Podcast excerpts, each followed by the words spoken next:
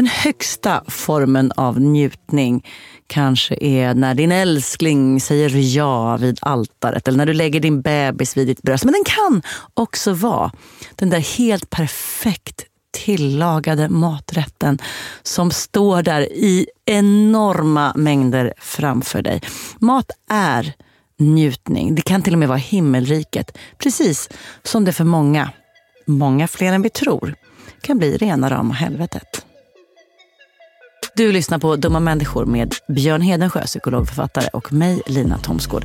Idag om mat som himmel och helvete. Vad är det som gör att vi kan må så otroligt bra av mat?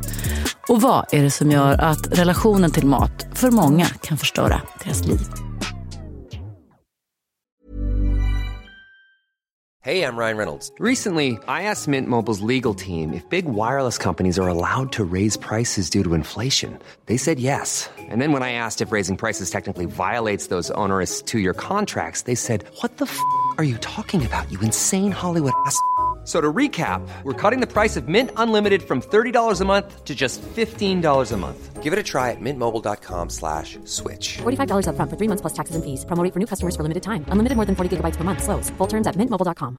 A lot can happen in three years. Like a chatbot may be your new best friend. But what won't change? Needing health insurance. United Healthcare Tri-Term Medical Plans, underwritten by Golden Rule Insurance Company, offer flexible, budget-friendly coverage that lasts nearly three years in some states. Learn more at uh1.com. Quality sleep is essential. That's why the Sleep Number Smart Bed is designed for your ever evolving sleep needs. Need a bed that's firmer or softer on either side? Helps you sleep at a comfortable temperature? Sleep Number Smart Beds let you individualize your comfort so you sleep better together. JD Power ranks Sleep Number number 1 in customer satisfaction with mattresses purchased in-store. And now, save 50% on the Sleep Number limited edition Smart Bed for a limited time. For JD Power 2023 award information, visit jdpower.com/awards. Only at a Sleep Number store or sleepnumber.com. Dumma människor sponsras av AJ Produkter. Björn, vad är det som gör att man trivs på jobbet? Ja, men en sån superviktig sak som du och jag brukar tjata om, det är det här med kollegor och samspelet man har med sina arbetskamrater. Det mellanmänskliga. Relationer på jobbet, exakt. Mm, man motiverar varandra, positiv förstärkning och sådana saker. Exakt. Ja. Men det räcker ju inte med bara det. Nej. Man behöver också en bra fysisk miljö. Den ska vara säker och trygg. Man kanske vill ha ordning och reda på lager och sådana saker. Att det är ergonomiskt. Ja, en ljudmiljö som gör att det är lätt att hålla fokus och att man har kanske ordning och reda med rätt förvaring. Och det här är sånt som AI-produkter kan hjälpa dig med. Arbetsplatsinredningen, att se till att förbättra arbetsmiljön och ge allt ifrån råd om en bättre arbetsstol till att inreda en hel arbetsplats för hela företaget.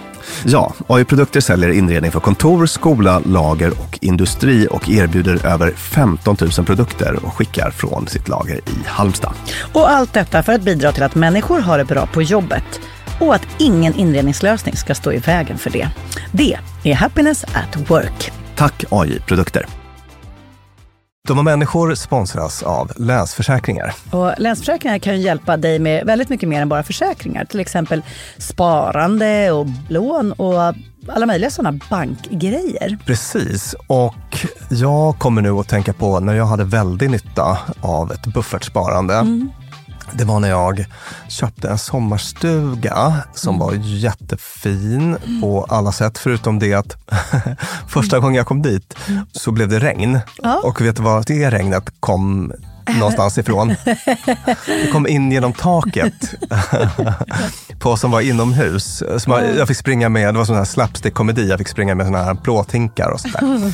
Men eh, då var det faktiskt bra med en liten peng så att man kunde reparera taket. Ja, man är ju tacksam då att man har varit den här förnuftiga människan som tänkte att det kommer kanske inte bli exakt som jag hade planerat. För livet är ju så otroligt föränderligt. Ja, och det är då det är så himla bra att läsförsäkringar finns där för alltid. Ja, så när livet inte blir precis som du hade tänkt eller om löften inte kan hållas så är det himla fiffigt att du kan kontakta Länsförsäkringar. Eftersom Länsförsäkringar kan hjälpa dig med lån och sparande till exempel. Tack Läsförsäkringar. Har du alltid varit en sån matälskare? Ja. Är du en foodie, Skulle du beskriva dig själv som foodie? Ja, men kanske utan det där mesta finlir. Jag är inte finlirig med något. Du är inte så här lakritsemulsion i... Nej, nej, Nej. utan jag är mer så här. Storpack lakrits, gott. Mm. Men kan så här, ska vi testa att göra lakritsglass? Ja. Så. Du förstår skillnaden. Inte finlir, men åh vad kul och vad härligt. Och jag kan också, Mm.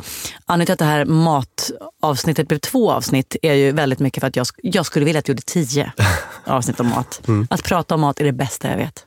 Det är ett kul ämne tycker jag. Alltså för att det är en så himla, himla stor del av eh, våra liv. Ja, Och eh, då tänkte jag så här Lina. Mm. Att om vi ska börja i himlen. ja Hur låter det? Det låter perfekt. Jo, mat. Det är ju en uh, otrolig källa till njutning i sig självt. Alltså i personen. Man kan sitta ensam i ett rum. Och jag tänkte vi börjar där. Ja. Alltså den här liksom personliga upplevelsen av mat. Alltså om man skippar hela sällskapsbiten och så. Alltså smaker och så. Den typen av upplevelse.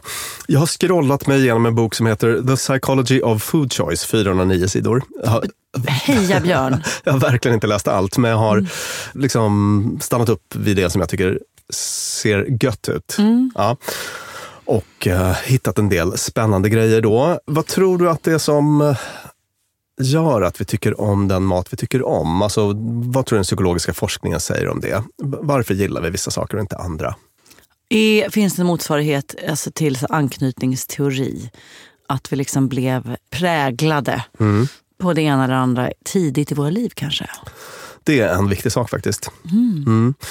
Det finns några olika såna effekter då, eller faktorer som påverkar. En är det som kallas mere exposure effect. Just vi har ätit så mycket svamp hos mig så att Ja. då börjar jag gilla svamp. Exakt. Så som jag pratade om någon gång när man så här, typ dejtar. Att så här, jag sett den här snubben så mycket så nu blev jag kär. Det, det, det är precis samma grej. Ja. Det känns som en så himla korkad eh, pryl Ja. på något vis. Att liksom bara av att exponeras mer för något, alltså typ musik, en person, Ja. eller morötter, eller chili, eller, så, så börjar vi gilla det mer. Man får Na- varmstarka känslor. Ja, naturligtvis finns det undantag, men från den här äh, forskningen som handlar om personer så har man ju sett då till exempel att om det har varit experiment av typen du släpper in massa folk i ett klassrum och om de har sett vissa personer där innan på bild före så kommer de att ha en, gilla dem lite mer. Har ingen info i övrigt. här Det, det är för, alltså det här, hur det här skulle kunna missbrukas i datingvärlden. Lägga ut lite allmänt lite bilder på en i olika med och sen... Fast så är det ju säkert. Så är det säkert. Om ja. någon dyker upp i ens flöde extra mycket för att den är intaggad, sen träffar man den och bara... Just det. Så ja, men tillbaka till mat. Mm. Ja, alltså det, det, man, det man presenteras för och får testa. Mycket när man är liten kommer man att ha en, ett positivt bias för eller börja gilla. Liksom. Har du något, någon sån mat som du är väldigt tydligt präglad på från, från din barndom? Eller så? Ska jag tänka? Nej, men, men hur, hur vi äter? Alltså me- mer än liksom ingredienser. Alltså det måste vara mycket mat. Det får bara inte vara lagom. Jag har ju vä- vänner vars familj där, så där lagom är idealet. Så, man, så många potatisar som man äter ska vi koka. Och för mig man bara wow! Om det inte blir ganska mycket rester så att det nästan räcker till en måltid till så är det panik. Så det är en tydlig sak hemifrån. Min underbara pappa hade en sån där period när han eh, Noll procent snål människa, Mm. men, men mer så lite effektiv. Så att han, han ville inte kasta massa mat och sådär. Ja. Så att han hade en period när han gjorde lite för lite. Mm. Alltid. Men kände att gud, jag är verkligen, det blir aldrig några rester. Jag, jag gör den perfekta bedömningen på hur mycket folk behöver. Det var liksom missförståndet som rådde där. Och det där, det där, jag vill bara varna alla där som tycker att de alltid lagar exakt lagom med mat när de får gäster. Mm. Du kan liksom inte mäta hur mycket tomt utrymme som finns i magen. Ingen kommer någonsin säga Nej.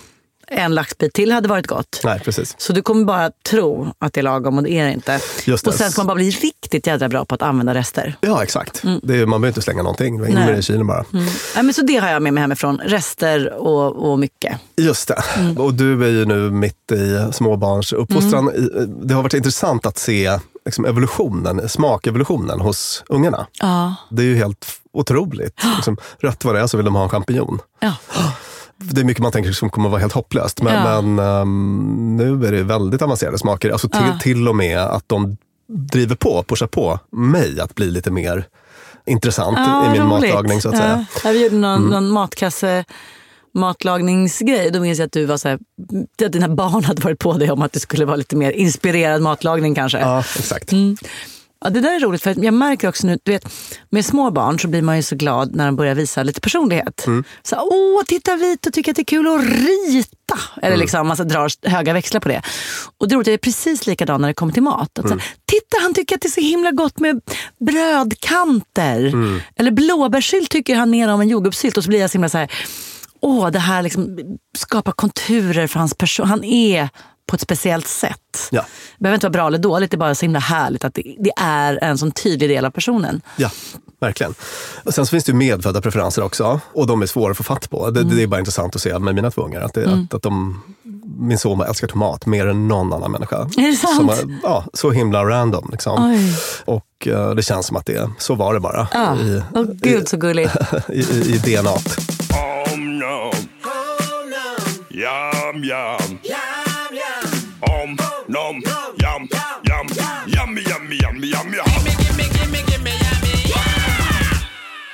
Sen har vi sån här äh, betingning. Alltså att en matupplevelse sammankopplas med någonting. Potatismos i kärlek, eller Ja. är, är mammigt, eller Ja, är exakt. hemma. Eller, mm. Och ett väldigt bra exempel på det är ju när det blir, alltså när det blir så aversivt. Alltså till exempel som det är för mig med tequila. Efter en dålig kväll för många, många år sedan. Kan inte se en hög med salt bredvid en citron. Alltså utan att få någon typ av kvällning. Sådär. Och vi, vi pratade om det i äckelavsnittet, hur otroligt starka de minnena är. Vet inte, minns du det? Att Ja, ja, ja. den typen av minnen är djupare kodade än vad till exempel rädslominnen är. Och rädslominnen är ju i sig väldigt djupt kodade. Sådär. Så att det har varit väldigt viktigt för oss som art att undvika dåliga livsmedel eller sånt som vi mår kass av. Har man varit med om det en gång ska man minnas det för evigt. Så är vår mjukvara inrättad. Just, det, och, det, och det behöver inte vara så att jag, så- jag spydde så himla mycket utav den, utan det kan också vara så här eh, farmor och farfar var så arga på mig när de ville att jag skulle äta stekt gröt. Ja. Så att det blir liksom känslomässigt så. Ja. Eller, mm. Det är sån tur att det inte blev så. Jag var en helg i Genua i Italien med en flickvän för en massa år sedan. Och vi var fattiga studenter. Och då så hade vi liksom inte råd att äta ute. Vi hade lagt alla pengarna på resan. Vad vad bra att åkte till Italien och inte har råd. Nej tack, vi äter rostbröd här hemma på vårt hostel. Ja, men det som hellre stanna hemma och bara äta en god. Ja, vi, vi gjorde verkligen så att vi köpte så bröd, chark och ost. Och det finns ju verkligen god... Det är italienarna bra på, alla de tre sakerna. Tog det till hotellrummet i eh, någon typ av kasse bara. Och sen så var det, vi hade ingen kyl på vårt billiga hotellrum.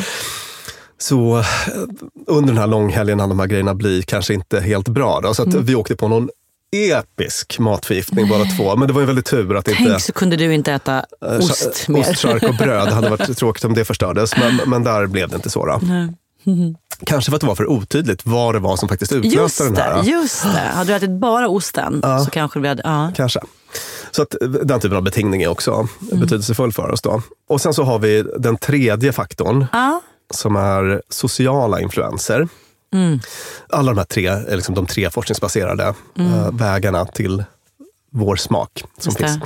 Och this is a vague but very important category, skriver de i den här boken. Då. Alltså, Det kan vara att man, alltså personer som man beundrar, vad liksom äter de och, och så. Och man har också gjort experiment av typen att man får titta på personer som testar någon typ av livsmedel som reagerar på ett visst sätt.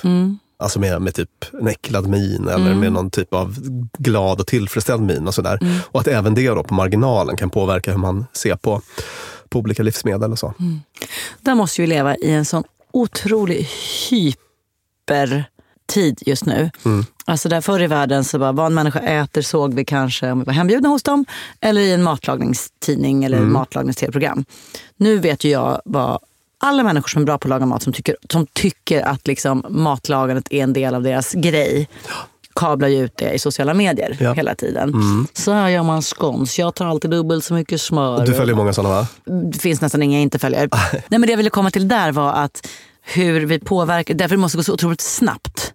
Varför hela fridens namn börjar plötsligt alla dutta med liksom, crème fraîche och mozzarella och riva citronskal över och sen timjan och chili och kalla det falsk burrata. Jo, för att någon gjorde det och så bara trrr, blir så här otroligt snabbt. Ja. Och så gör allt. Så att plötsligt sitter väldigt många fler samtidigt och äter exakt samma mat. Ja. Ny mat.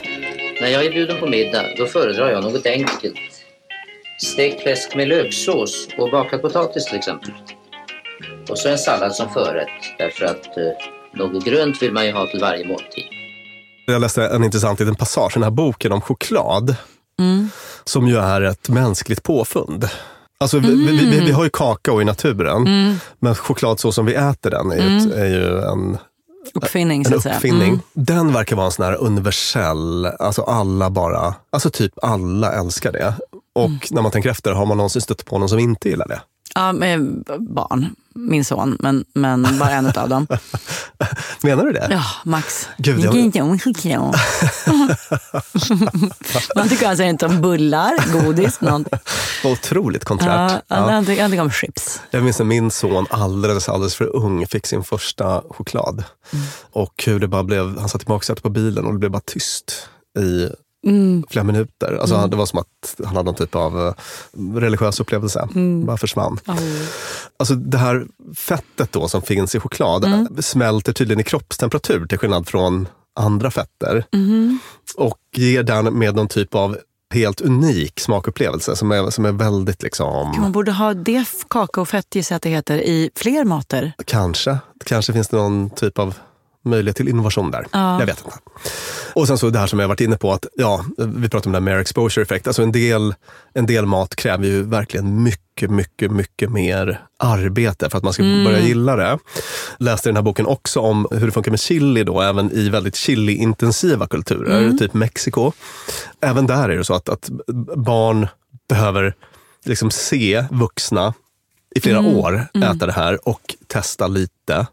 Gradvis öka på innan de själva börjar uppskatta det. Chili är en typisk sån tillvänjning som det tar tid att börja uppskatta. Alltså det är ju egentligen eh, Smärta man ska lära sig stå ut med. Ja, det, man ska lära sig att uppskatta smärta i en form. Ja. Precis. Och det gör vi ju. Alltså, vi gjorde ju det här avsnittet om lidande och njutning som jag blev, det är kanske mitt topp tre mest, det jag har blivit mest påverkad av. Och när jag har sett min, mina matvanor med det rastret så har jag också lyckats pinpointa varför jag tycker väldigt mycket om vissa grejer som är så här, nästan äckliga. ja. Alltså mm, tokig musslor, Ja. pepparrot, alltså sådär som är så här, det är liksom på gränsen. Ja. Sådana grejer. Och då tänker jag att det har att göra med att det är inte, det är inte, allt är inte en dans här. Nej. Det är lite kärvt, det är Just lite det. motstånd, det gör lite ont. Eller liksom, En riktigt sån rökig whisky. Ja, just det. Eh, det, det är som att dricka en kärad brygga. Liksom. Ja. Det är ju typ objektivt sett inte gott. Nej, det är inte det. Nej, men, men jag tycker att det är kanon. Om vi tittade på den första som hade 1000 i Scoville så ligger den här på en miljon. Och den ska ätas helt. Nej, aldrig i mitt liv. Nu gör vi detta här. Du är fin smak. Mm. Jag tror att vi måste ta en liten paus innan vi fortsätter att laga mat.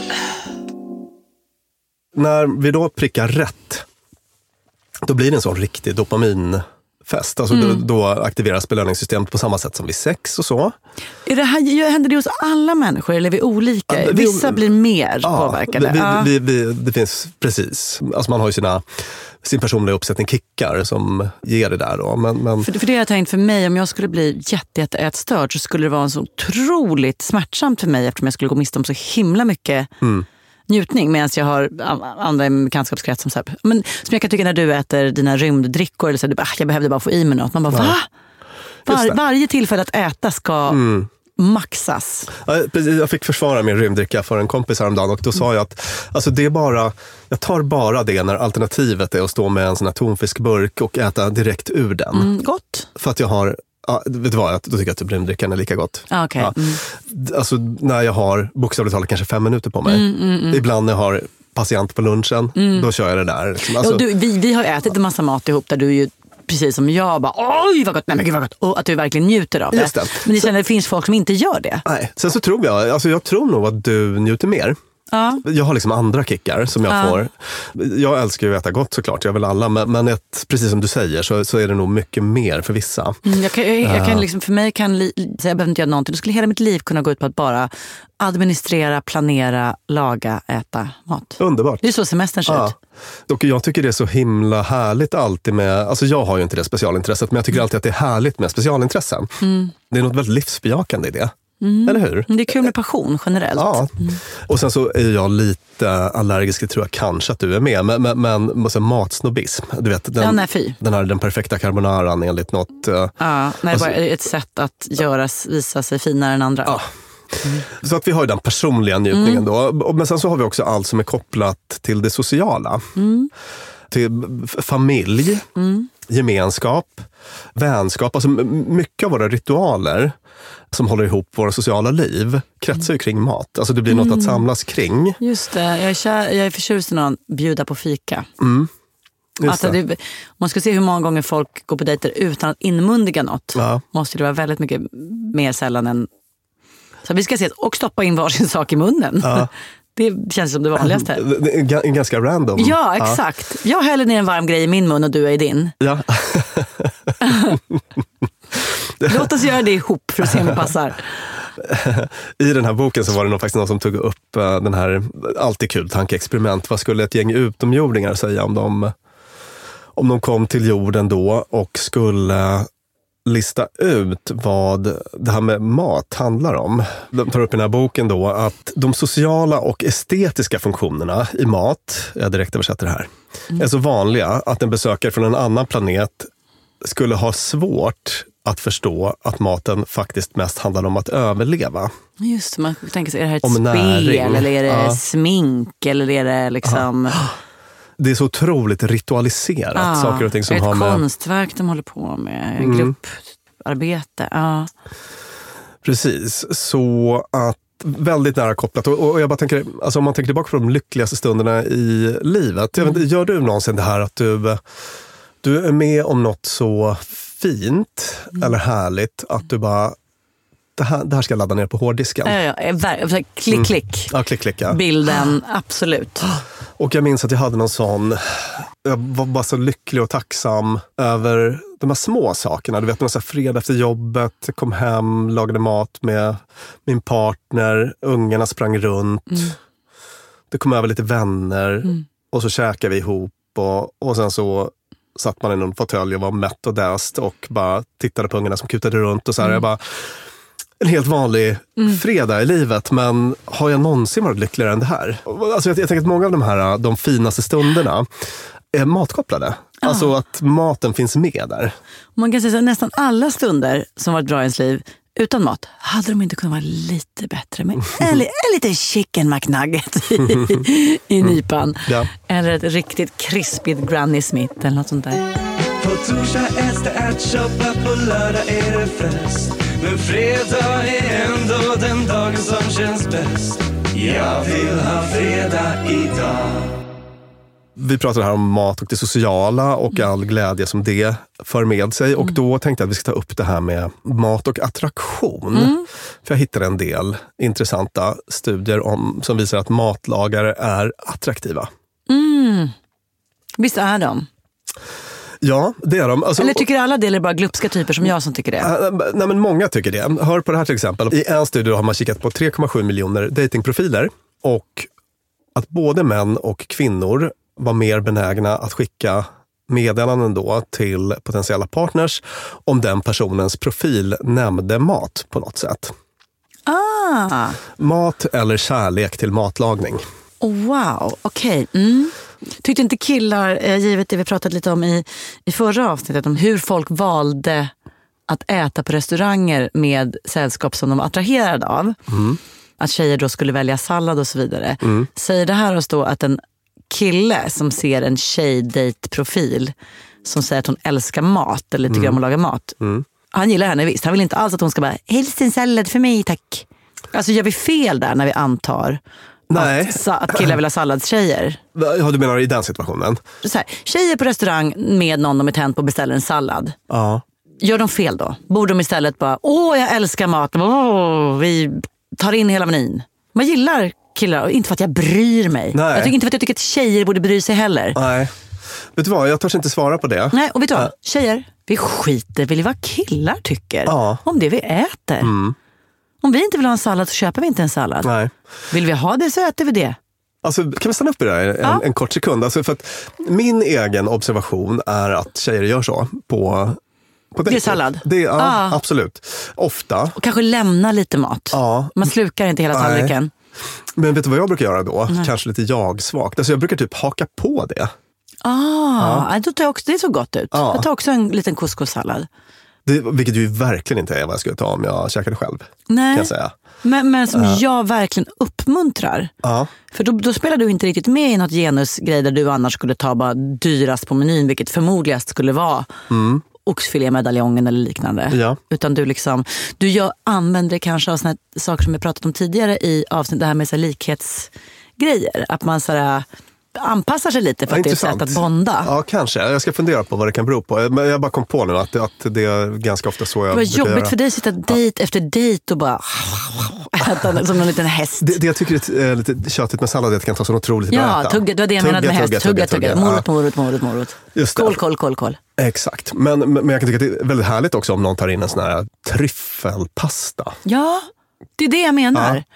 Eller framför allt om det är någon som så här, där tänker jag att jag skulle tycka var sexigt om jag var kille. En tjej som för det första inte bryr ihjäl sig om kalorier. Hett. Du, du är inte så fåfäng. 100 procent. Två, som vet vad den vill ha. Jättehärligt, någon som generellt, Mm. det här gäller så här, tidigt och tydligt kan uttrycka behov är något vi brukar återkomma till också Mm. både när vi föreläser och eh, poddar. Och också inte skäms för sig. Nej. Alla de sakerna urheta, det skulle jag verkligen, om jag var kille, gilla. Verkligen. Precis, det, det är något härligt onevrotiskt i det. Ja, exakt. Alltså jag är lite självsäker, typ Ja. så. Det gillar man ju. Och en annan observation, apropå det här då, är att det kanske inte bara är i dejtsammanhang utan också så här, ja men du går på anställningsintervju eller någon, någon typ av jobb, lite viktigare Ah, jobb, ah, ah. lunch. Jag vet inte, har jag rätt eller? Blir det ganska ofta en caesarsallad då? Eller? Ja, Ja. jag var på en sån, alltså lite så eventig lunch på ett fint ställe där jag bara Uffa, någon annan betalar. Då ska vi se. Biff Rydberg är godaste jag vet som nästan alltid är ganska dyrt. Biff Rydberg, min favoriträtt. Tog in den. Det var Mm. jag och en annan kille som gjorde det. Resten av gänget som var övervägande tjejer. Caesarsallad. Mm. Eller någon liten fisk. Liksom. Alltså, och det lämnades på tallrikarna. Här lämnades ingenting. Alltså vrökte i mig. Och kände där och då att just ja, det här är ju det här är inte en slump. Utan det här är, här är ju något jag har liksom, det hänger ihop med en identitet jag har Mm. om att så här, hellre ful än fåfäng. Man ska ta för sig, jag tänker inte anpassa mig till att vara en liten gullig alltså, Vilket gör mig obnoxious i, i många sammanhang men som ändå är en så här, för mig en princip. Mm. Och då, då blev det så uppenbart att alltså, gud, det här är ju... Så där satt ni en massa personer och signalerade identitet på olika sätt. Ja, exakt. exakt. Och jag på mitt sätt försökte väl också vara attraktiv, alltså attraktiv i bemärkelsen så att den här personen vill jag att ni ska intressera er för och tycka om. Ni ska tycka att åh vad jag är härlig och fri och ja. mod. Liksom. Ja. I take a girl out. She can order whatever she wants. The more the better. All right? Just don't order a garden salad and then eat my food. Joey doesn't share food! Life is full of awesome what ifs, and some not so much, like unexpected medical costs. That's why United Healthcare provides Health Protector Guard fixed indemnity insurance plans to supplement your primary plan and help manage out of pocket costs. Learn more at uh1.com. Hey, I'm Ryan Reynolds. Recently, I asked Mint Mobile's legal team if big wireless companies are allowed to raise prices due to inflation. They said yes. And then when I asked if raising prices technically violates those onerous two year contracts, they said, What the f are you talking about, you insane Hollywood ass? F- So to recap, we're cutting the price of Mint Unlimited from $30 a month to just $15 a month. Give it a try at mintmobile.com slash switch. $45 upfront for three months plus taxes and fees. Promo rate for new customers for limited time. Unlimited more than 40 gigabytes per month. Slows. Full terms at mintmobile.com. Hold up. What was that? Boring. No flavor. That was as bad as those leftovers you ate all week. Kiki Palmer here, and it's time to say hello to something fresh and guilt-free. Hello Fresh. Jazz up dinner with pecan-crusted chicken or garlic butter shrimp scampi. Now that's music to my mouth. Hello Fresh. Let's get this dinner party started. Discover all the delicious possibilities at hellofresh.com. Dumma människor sponsras av Claritin. Ja, för nu är det ju vår och vårkänslor spirar. Mm. Även jag får, jag har liksom varit ihop med min kille i snart ett decennium och blir vårkänsla. Lite vårrusig. Ja, jag vill, jag vill ut och hålla hand och springa över en sommaräng.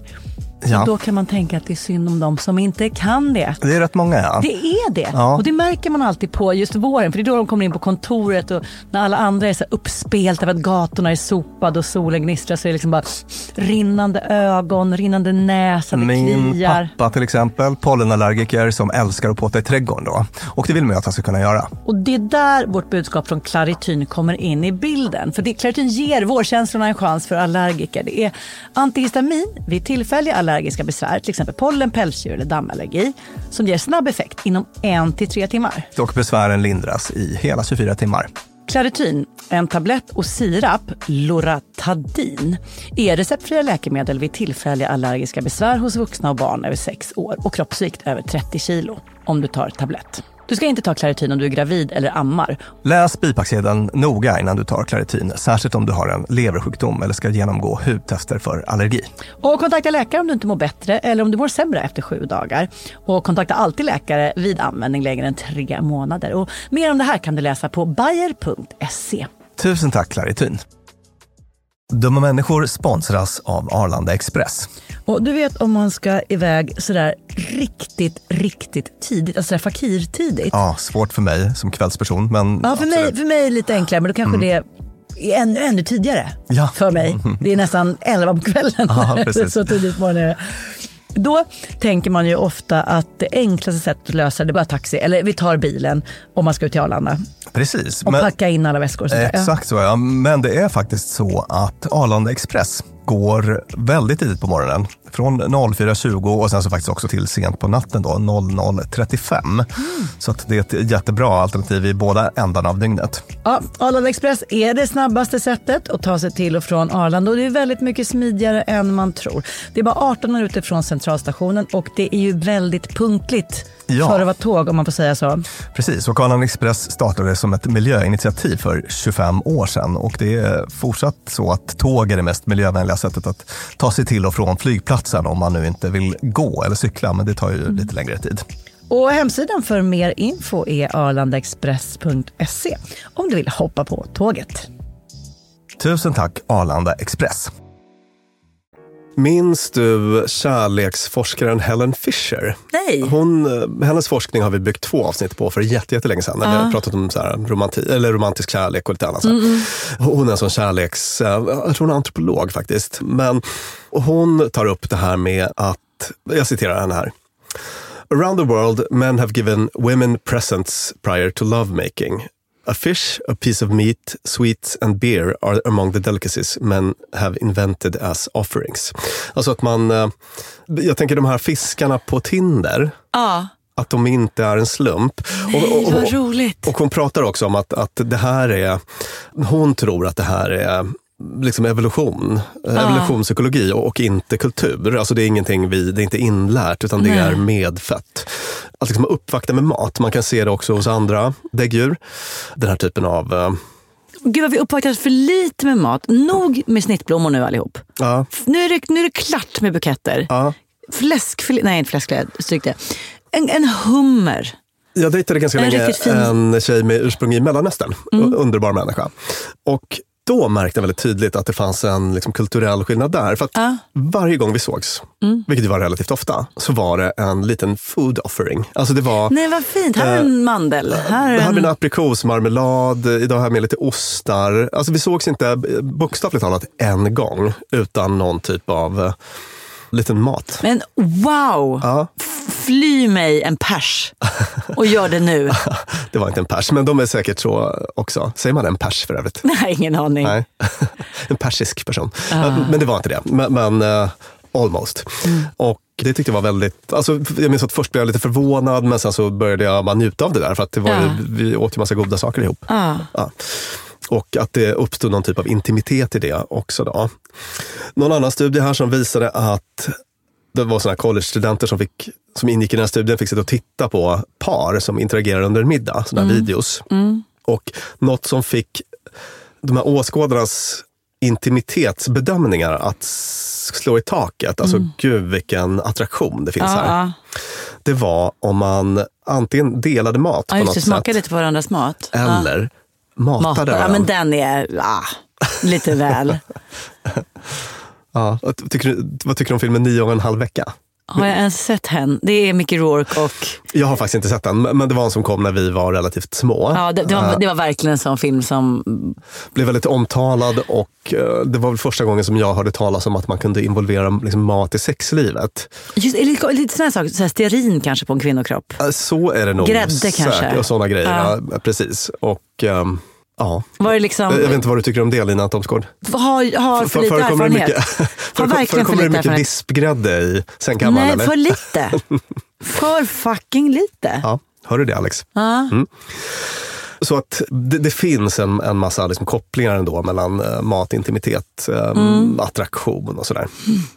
Mm. På samma sätt som tänker jag som att vi gillar skills. Ja, Alltså, det är användbart med någon som, liksom, så här, vi gillar även någon som så här, kan köra bil, verkligen. städa, deklarera. Ja. Det, är liksom, det här är en grej vi behöver göra. Kul om, du, om det inte är något du skyr. just det. Och det var en sån grej som jag läste i någon av de här artiklarna också, att det var att just den här kopplingen mellan liksom, redighet, pålitlighet. Ja. Att, att jag, jag är någon som kan liksom, leverera och, Ja. och eh, Någon att ta luta hand om sig styr- upp Ja. och sådär. Och sen så de här enkla mekanismerna att, jag menar, vi, vad händer när man äter väldigt gott? Alltså man mår ju kanon. Ja, för det händer saker biologiskt. Dopaminer och... Yes, precis. Så att säga att du bjuder mig på en eh, fantastisk tryffelpasta. Ja. Då kommer jag sitta där och må bra av den pastan och då blir det en sån här äh, Med Lina mår man bra. Ja, med Lina mår man bra, alltså man gör den kopplingen helt enkelt. Och sen så säger eh, en forskartrio från en studie 2014, Hamburg, Finkenauer och Schwegel, som pratar om att det här med att dela mat är så himla nära kopplat till våra allra, liksom, alltså det är så nära kopplat till, till allt det här otroligt basala liksom bebis, alltså trygghet i ett Mm. bebisperspektiv Mm, nästan. Att, mm. att man, så här, sharing food is also tightly linked to our earliest and most deeply ingrained feelings about safety, security and emotional regulation. Alltså, vi blir som trygga små bebisar Mm. när, när någon delar mat som vi uppskattar. Åh, denna natt, som vi kallar mellannatten. Fråga, psykolog Hedensjö. Mm. Mat vi måste äta för att överleva. Varför har man inte gjort ätande till något i stil med andas? Det bara är, vi bara gör det. Vi, det är inte för att jag bara, "Åh, vilket andetag, det där var lite sämre än det förra andetaget. Idag ska jag nog andas lite mer. Utan att mat, Mm. som vi måste göra, vi kommer inte undan det, också är så himla laddat för oss. Är det för att vi inte ska glömma bort det? Hmm.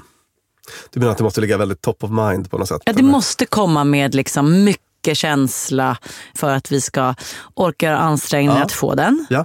Alltså om det bara var så här, om du får mat så blir du mätt och om du inte får mat så dog du. Mm. Då skulle vi kanske dö lite oftare. För att vi inte orkade springa efter den där jävla hjorten eller vad det är. Mm. Men om det nu är kopplat till så här, du blir mer kär i någon, någon blir mer kär i dig. Kroppen blir sprallig och lycklig av mat. Mm. Då, då är det ju liksom, evolutionärt så måste det ju handla om att vi Att ska ska- orka, orka gå igenom den möda som det innebär att skaffa oss maten. att det ska väcka så starka känslor. Ja. Mm. Och eh, jag bara tänker på, jag har pratat om den förut, den här serien som jag snöade in på, Naked and Afraid. Just det. Realityserie där folk bara kastades ut nakna, bokstavligt talat, i Mm. naturen. I parkonstellationer då. Och så fick de bara, lös det här, vi ses om Mm. 21 dagar. Och då var det ofta så här, ja, men, dag åtta utan mat. Och sen så är det någon av dem som springer i kappen en emu. Liksom. Mm. Alltså de känslor, det är så starka känslor kopplade till den här maten. Mm. Alltså de tycker att det är så fantastiskt. Ja, och inte bara så här, jag dog inte, utan att det verkligen är så här, åh, lem... Eller vad sa du för djur? L- lemur. Ja, lemurknoge. Men, men, men det kan vi... Lemurknoge. Vad, vad, vad är ens en lemur? Ja, det är, Ja, en det är här lite gullig knappat, det liten... vore ja, jättekonstigt om ja. de sprang efter den, men det kanske de gjorde. Ja, det, det, det, grejen är att de, de, de äter ju vad som helst. That first bite of food is out of this world. It's like I can feel energy returning to my body. Makes such a difference, doesn't it? Monumental difference. Då tänkte jag att vi ska liksom gradvis gå in på det här lite, lite mörkare då. Ja, för att lika mycket som vi kan njuta och bli lyckliga av mat, Ja. så lika stor roll kan det spela för oss åt andra hållet. Mhm. Precis, jag läste en, en väldigt spännande essä i uh, Psychology Today om, om det här med, det var en forskare som skrev där om, han pratar om att det är som att vi har en ätstörning på samhällsnivå. Mm. Och tesen var ungefär den här då, att medan den här personen som jag pratade om nyss, det dök upp en emu, Du säger MU emu, och jag sa lemur. Det förklarar varför det var... Ja, förlåt. mm. ja, jagar efter den, äter den, allting är kanon. Mm. Men en, det här var en amerikan då som skrev den här och han pratar om att i USA nu finns det ungefär på snabbköpen 40 000. Vi, vi, har på vår liksom nationella livsmedelsmarknad 40 000 produkter att välja mellan. Det adderas ungefär 600 i, i månaden eller vad det var. Den är lätt tillgänglig, den är liksom relativt billig. Och han jämför med Maslows behovshierarki eller pyramid Ja, ja. att vi har klivit så långt ifrån den här emu, jag efter emu och Ja, njuta, njuta av den nivån. Alltså det finns en sån otrolig frihet i... Vi kan äta vad vi vill, när vi vill, hur mycket som helst. Yes. What's stopping us? Ja. Mm, och det är sällan som vi är i någon typ av svälttillstånd. Mm. Utan då handlar det mer om liksom mat som självförverkligande. Mm. Och liksom med det så kommer att vi, vi blir lite förvirrade. Att vi är verkligen inte grundade. I, Vi har fortfarande ett begär som kanske är funtat utifrån en EMU-situation. Ja, så, så är det också. Precis, apropå det här med vi pratar om så smakpreferenser och sånt. Ja. Vi har ju några sådana på artnivå. Till exempel en stark preferens för sötma. Mm. Som kommer sig av att söt mat som man kunde få tag på på savannen var väldigt bra för oss. Den Mycket man- energi mycket i energi, liten ja. så att vi kunde orka springa efter kanske den där immun som fick protein och annat som vi behövde också. Och eftersom vi är grottmänniskor i moderna kläder så är vi då liksom hårdkodade för att bara tjonga i oss. Det har vi pratat om i en fredagsfråga. Mm. Men- att det blir någon typ av... Alltså, jag vet inte, har du någonsin i livet hamnat i någon riktigt onevrotisk matlagningsmiljö? Alltså, jag ska försöka förklara vad jag menar. Har du varit på en agriturismo i Italien? Ja. Det var ett ställe där jag verkligen upplevde det. Alltså, vi var någonstans i Syditalien, i Kalabrien och bodde på en sån agriturismo som är typ en bondgård där man Mm. kan hyra in sig på, som på Mm. ett pensionat. Och så var det kvinnan i huset som serverade mat varje dag. Klockan 19 eller någonting så gick Mm. man och satte sig. Och det var liksom ingen snack. Nej. Jag tyckte att det var så skönt. Det var en rätt som serverades varje dag. Jag hade precis samma sak på ett litet, litet hotell på Kreta där jag och Alex hamnade och typ tillverkade Max. Förlåt, information inte behövde. Men i alla fall, då hade de mat. Mm. En mat. Vill ni ha maten idag? Ja. vi kan ta maten. Det var en gammal tant som lagade. Men det var den maten. Mm. Det fanns ingen sån, liksom, precis som du säger, alltså, och vem ska jag vara i det här? Och hur ska jag, vilken, vilken sak på menyn väljer jag? Utan Mm. man bara, föda. Ja. Det är något väldigt skönt att vara i det, kan jag Mm. känna. Det finns något vilsamt i det. Verkligen, verkligen. Alltså när, när mat blir så mycket en identitetsmarkör och så, Mm. eller vi tänker att den säger så mycket om oss, det är då Mm. vi börjar ägna oss åt den där typen av att okej, nu ska jag äta något som signalerar att jag är kontrollerad Mm. och eh, eller Fräsch, Fräsch, eller, eller- eh, finsmakare eller rik. Eller, Japp. Mm. Och vi är bara väldigt långt ifrån på något vis ja, att, att vara liksom grundare i det vi äter. Och är- när, den här forskaren, det, tesen det, är. han, när Mm. han sa så här, vi är ätstörda på en samhällsnivå, Mm. då menade han att mat, det finns så mycket mat. Det har slutat fylla behovet av att skydda oss från svält. Mm. Och det gör att vi, i och med att vi är, så här, mekanismerna, impulserna i oss Mm. är skapta för att skydda oss från svält, så blir det jävligt förvirrat för oss. Yes. Åh, måste ha sött framför allt annat. Ja. Oj, vad konstigt. Och sen är, Eller- är det väl också någon sån här liksom, beslutströtthet. Alltså det, alltså det bara finns så otroligt mycket. Mm, just det. Alltså när, när det finns så många liksom, riktningar att gå i, och sådär, Mm. hur ska man bete sig i det? Och sådär. Ja, det, det var tesen i den här sen. Då. Åh nej, nu dillar han med maten. Det finns inga röster i pannkakan. Ät så du blir stor. Säger far och mor. Om vi ska prata ätstörningar på individnivå, Mm. för det är ju relativt vanligt. Kollade siffror från Socialstyrelsen. I Sverige så är det ungefär 190 000 personer i åldrarna 15 till 60 som lider av en ätstörning. 147 000 Men det, vänta, vänta. Ja. Det var en otroligt låg siffra. Ja, men det här är så Så, som, som har anmält detta till ett vårdsammanhang. Det här är personer som har eh, Alltså jag känner alla dem kan man säga. Ja, så här. Alltså, jag, jag tror man får skilja på så klinisk och subklinisk. Ja. Klinisk är när man, är på, alltså när man uppfyller alla diagnoskriterier och sånt där. Subklinisk är eh, när man inte riktigt gör det, men Mm. man kan fortfarande vara ätstörd ändå. Ja, men du, kli, Ja. på klinisk nivå, ganska många då. då. Ja, just det. Mm. Eh, Och, och, och då är det ofta väldigt farligt och så. Ja, det är det. Så 190 000 personer i åldrarna 15 till 60, 147 000 av dem är kvinnor, resten män, 43 000. Mm. Av dem är det uppskattningsvis nästan 60 000 som inte har sökt hjälp från vården. Och ska vi gå igenom de, det vanliga? Mm. Anorexia då? Alltså den här Självsvält. Japp, kännetecknas av att man svälter sig, får en skadligt låg, låg vikt. Och personer med anorexi tror att kroppen är större än den är. Uppfattar sig själva som överviktiga. Då. De har en blick på sig själva som ingen annan har. Helt enkelt. Och sen har vi eh, bulimi. Och den ätstörningen innebär att man varvar hetsätning med självsvält. Och spy, Mm. eller? Är det, är det en del av den? Ja. Mm. Och sen har vi hetsätningsstörning. BED står för Binge Eating Disorder. Som innebär att man i perioder tappar kontrollen över sitt ätande och äter stora mängder mat på kort tid, även om man inte är hungrig. Och så efteråt får man ofta skamkänslor och eh, ångest. Men skillnaden här är att man inte försöker framkalla kräkning eller så. Och sen har vi ortorexi som Tränings... Ja, just det. Och, och, och överträning egentligen, Mm. kopplat då, ofta kopplat till ett väldigt starkt fokus på att äta nyttigt. Mm. På ett överdrivet sätt. Ja, det är väl de viktiga, ska Mm. jag säga. Vad har du, liksom, hur, du sa att du känner alla. Vad, vad har Mm. det här haft för roll i ditt liv? känner ingen kvinna som inte på något sätt nojar kring mat eller har nojat i perioder. Och det är ju tidskrävande. Det sätter enorm, liksom, ska säga, hu- hur ens humör är. Säg att man bjuder vänner på middag och så är det en mat som inte är nyttig så vet jag att det här kommer påverka den här människ- människans humör. Mm. Så jag måste tänka på det. Det här är ingenting som vi någonsin har pratat om. Men jag vet att om den här människan kommer av sociala skäl behöva äta mycket och det kommer få den att känna sig mindre duktig. Och, och på samma sätt som... Och, och vet du då vilka personer? Ja, absolut. Eller är det så alla tjejer? Eller är det Eh, specifika? nej, men- nej, men så kan det nog vara att när jag gör eh, så här, en lean, liten härlig kycklingsoppa varje gång. Gud vad gott! Ah, Gud vad fräscht och vad gott. Att det, är så här, det är en konstant önskan om att få vara smalare. Som är otroligt smärtsam att ha och att hela tiden behöva konfronteras med. Också, vi har ju spelat in eh, några avsnitt där jag har tjatat om det här med att mat är kärlek för mig.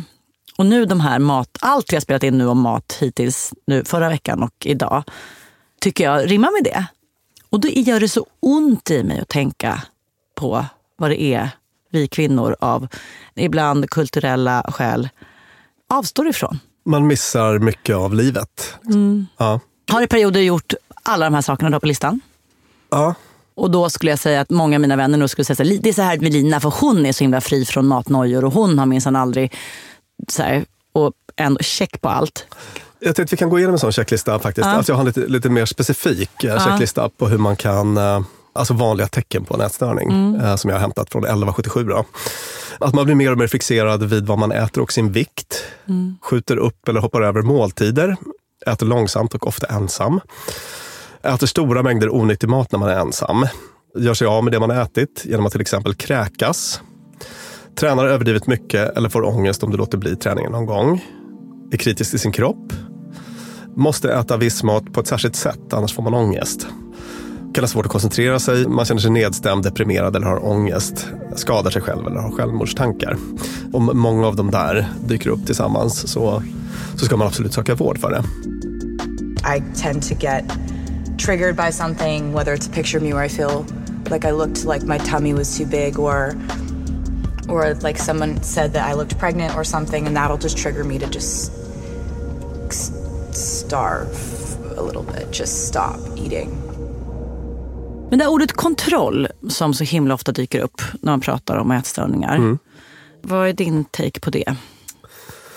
Ja, man vet ju till exempel då att, att ehm, en alltså perfektionism på en sån klinisk nivå, om man har är superperfektionist, så, så hänger det ofta ihop med dels en allmän ångestproblematik och så, men också ofta med ätstörningar. Jag tycker att jag har sett det själv också mycket i Mm. kliniken. så Att det blir ett sätt att få en känsla av kontroll i en tillvaro. Ehm, alltså man, man dämpar ångest på olika sätt genom att skaffa en känsla av Mm. kontroll. Då. Och ätandet är ju någonting man kan kontrollera. Man Mm. upplever ofta att så här, okay, det här är en domän där jag faktiskt styr och Mm. har kontroll. Och så, får man, så det, blir det då belönande att ehm, ägna sig åt uh, ätstörningsbeteende. Och, och den belöningen då, eh, vad ska jag säga, den, den psykologiska belöningen, vad är den? Den bara, här, jag bestämmer själv. Här har ni någon som är kommando. Ja, jag känner mig duktig. Som begränsar sig, som är disciplinerad. Ja. Mm.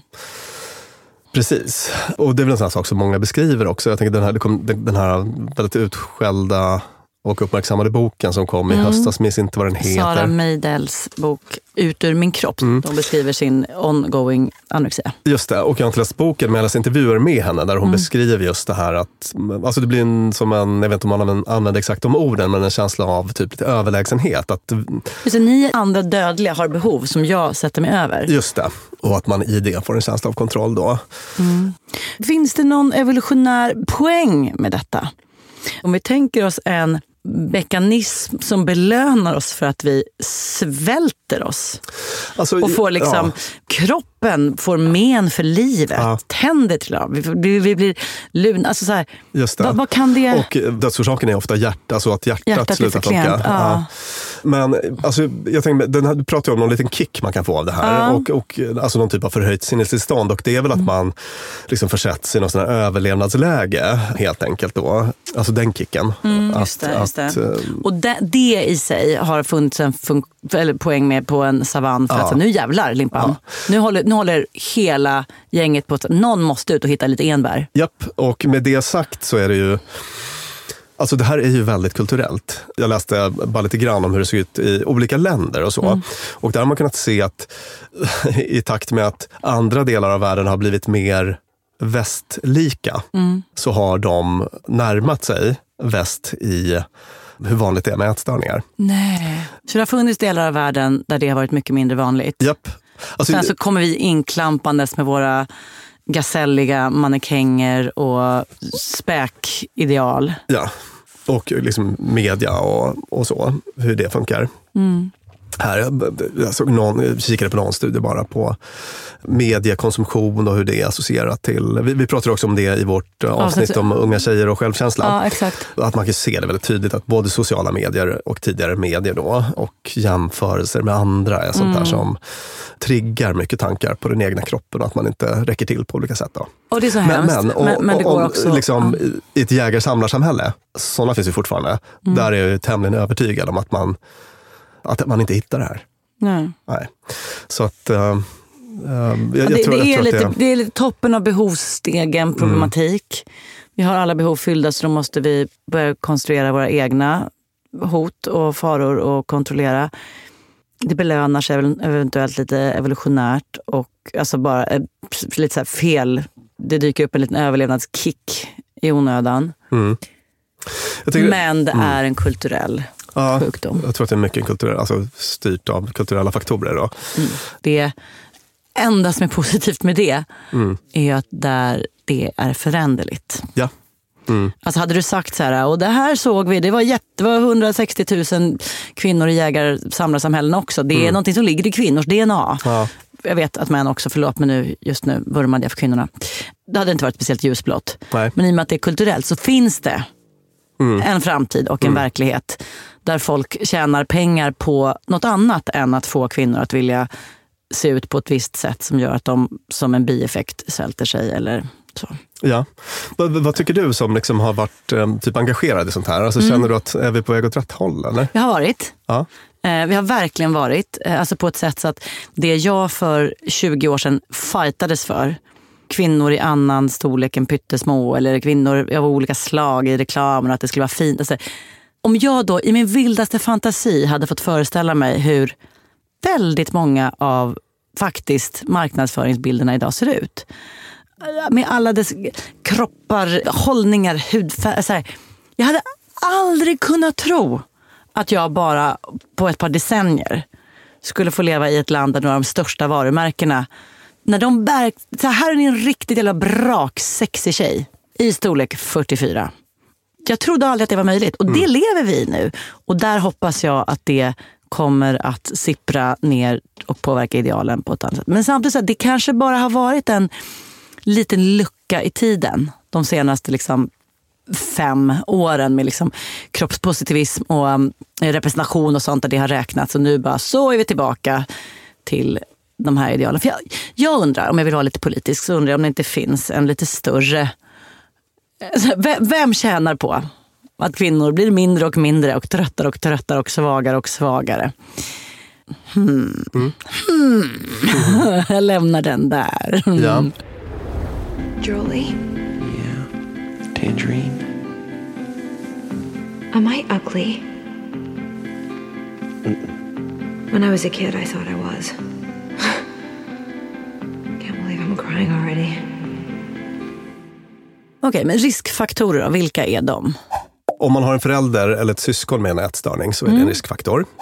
Psykisk ohälsa av annat slag. Alltså det kan vara, det det är vanligt att man har sån samsjuklighet med annat, typ ångest, depression, tvångssyndrom, Mm. ADHD, borderline personlighetssyndrom och sådär.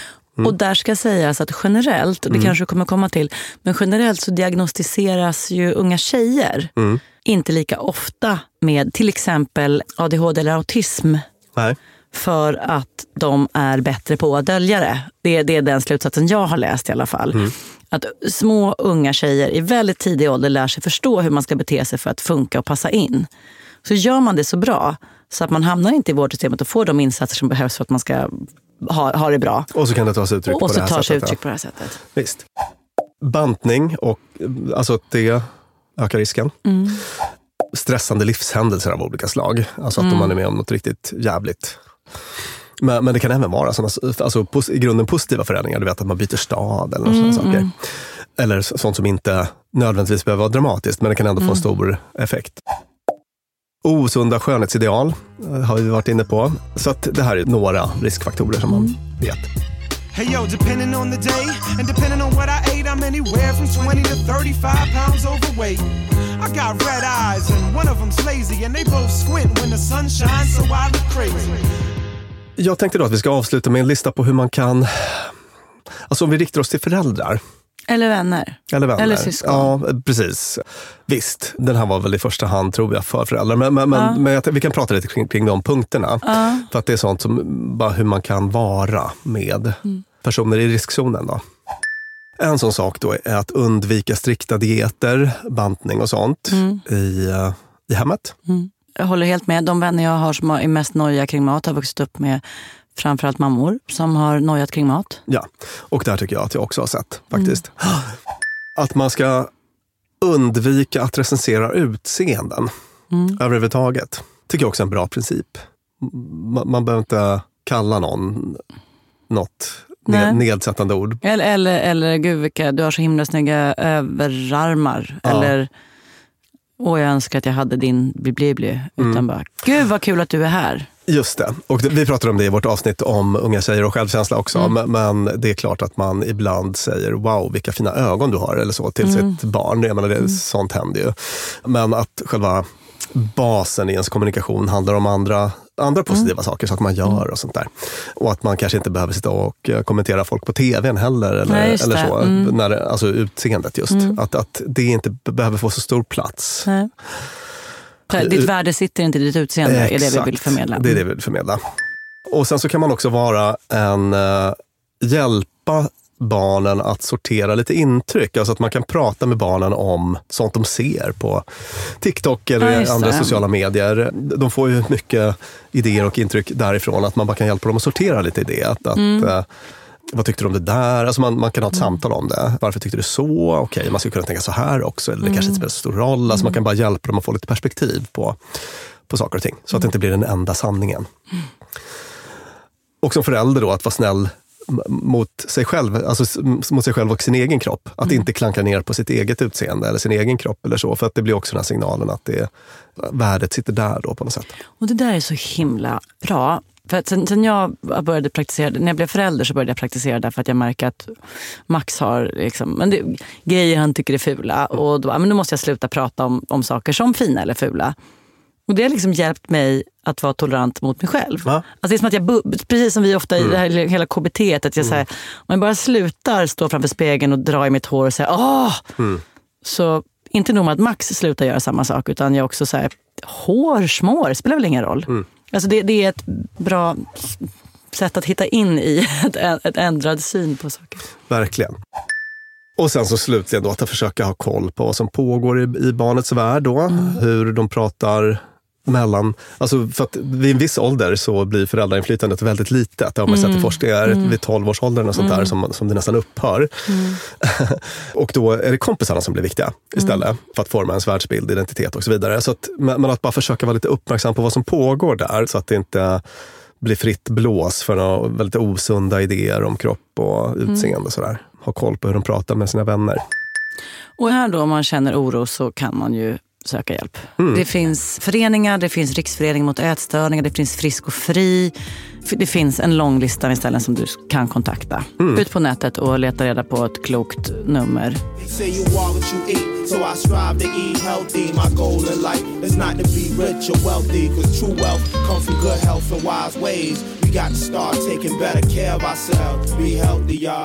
Det finns jättemycket mer att säga om det här på en massa olika sätt. Och som vanligt i den här podden så kommer vi att göra det i avsnitt som har varit och avsnitt som kommer framöver. Har ni eh, egna tankar eller idéer eller tips? Var inte rädda att kliva in på vårt Instagramkonto och dela med er.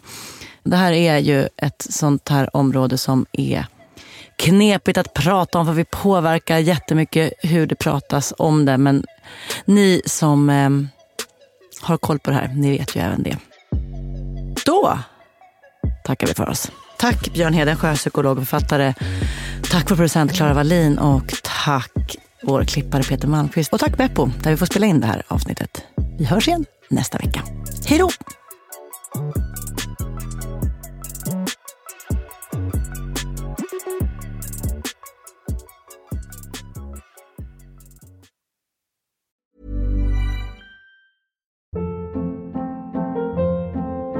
Hold up. What was that? Boring. No flavor. That was as bad as those leftovers you ate all week. Kiki Palmer here, and it's time to say hello to something fresh and guilt-free. Hello Fresh. Jazz up dinner with pecan-crusted chicken or garlic butter shrimp scampi. Now that's music to my mouth. Hello Fresh. Let's get this dinner party started. Discover all the delicious possibilities at hellofresh.com.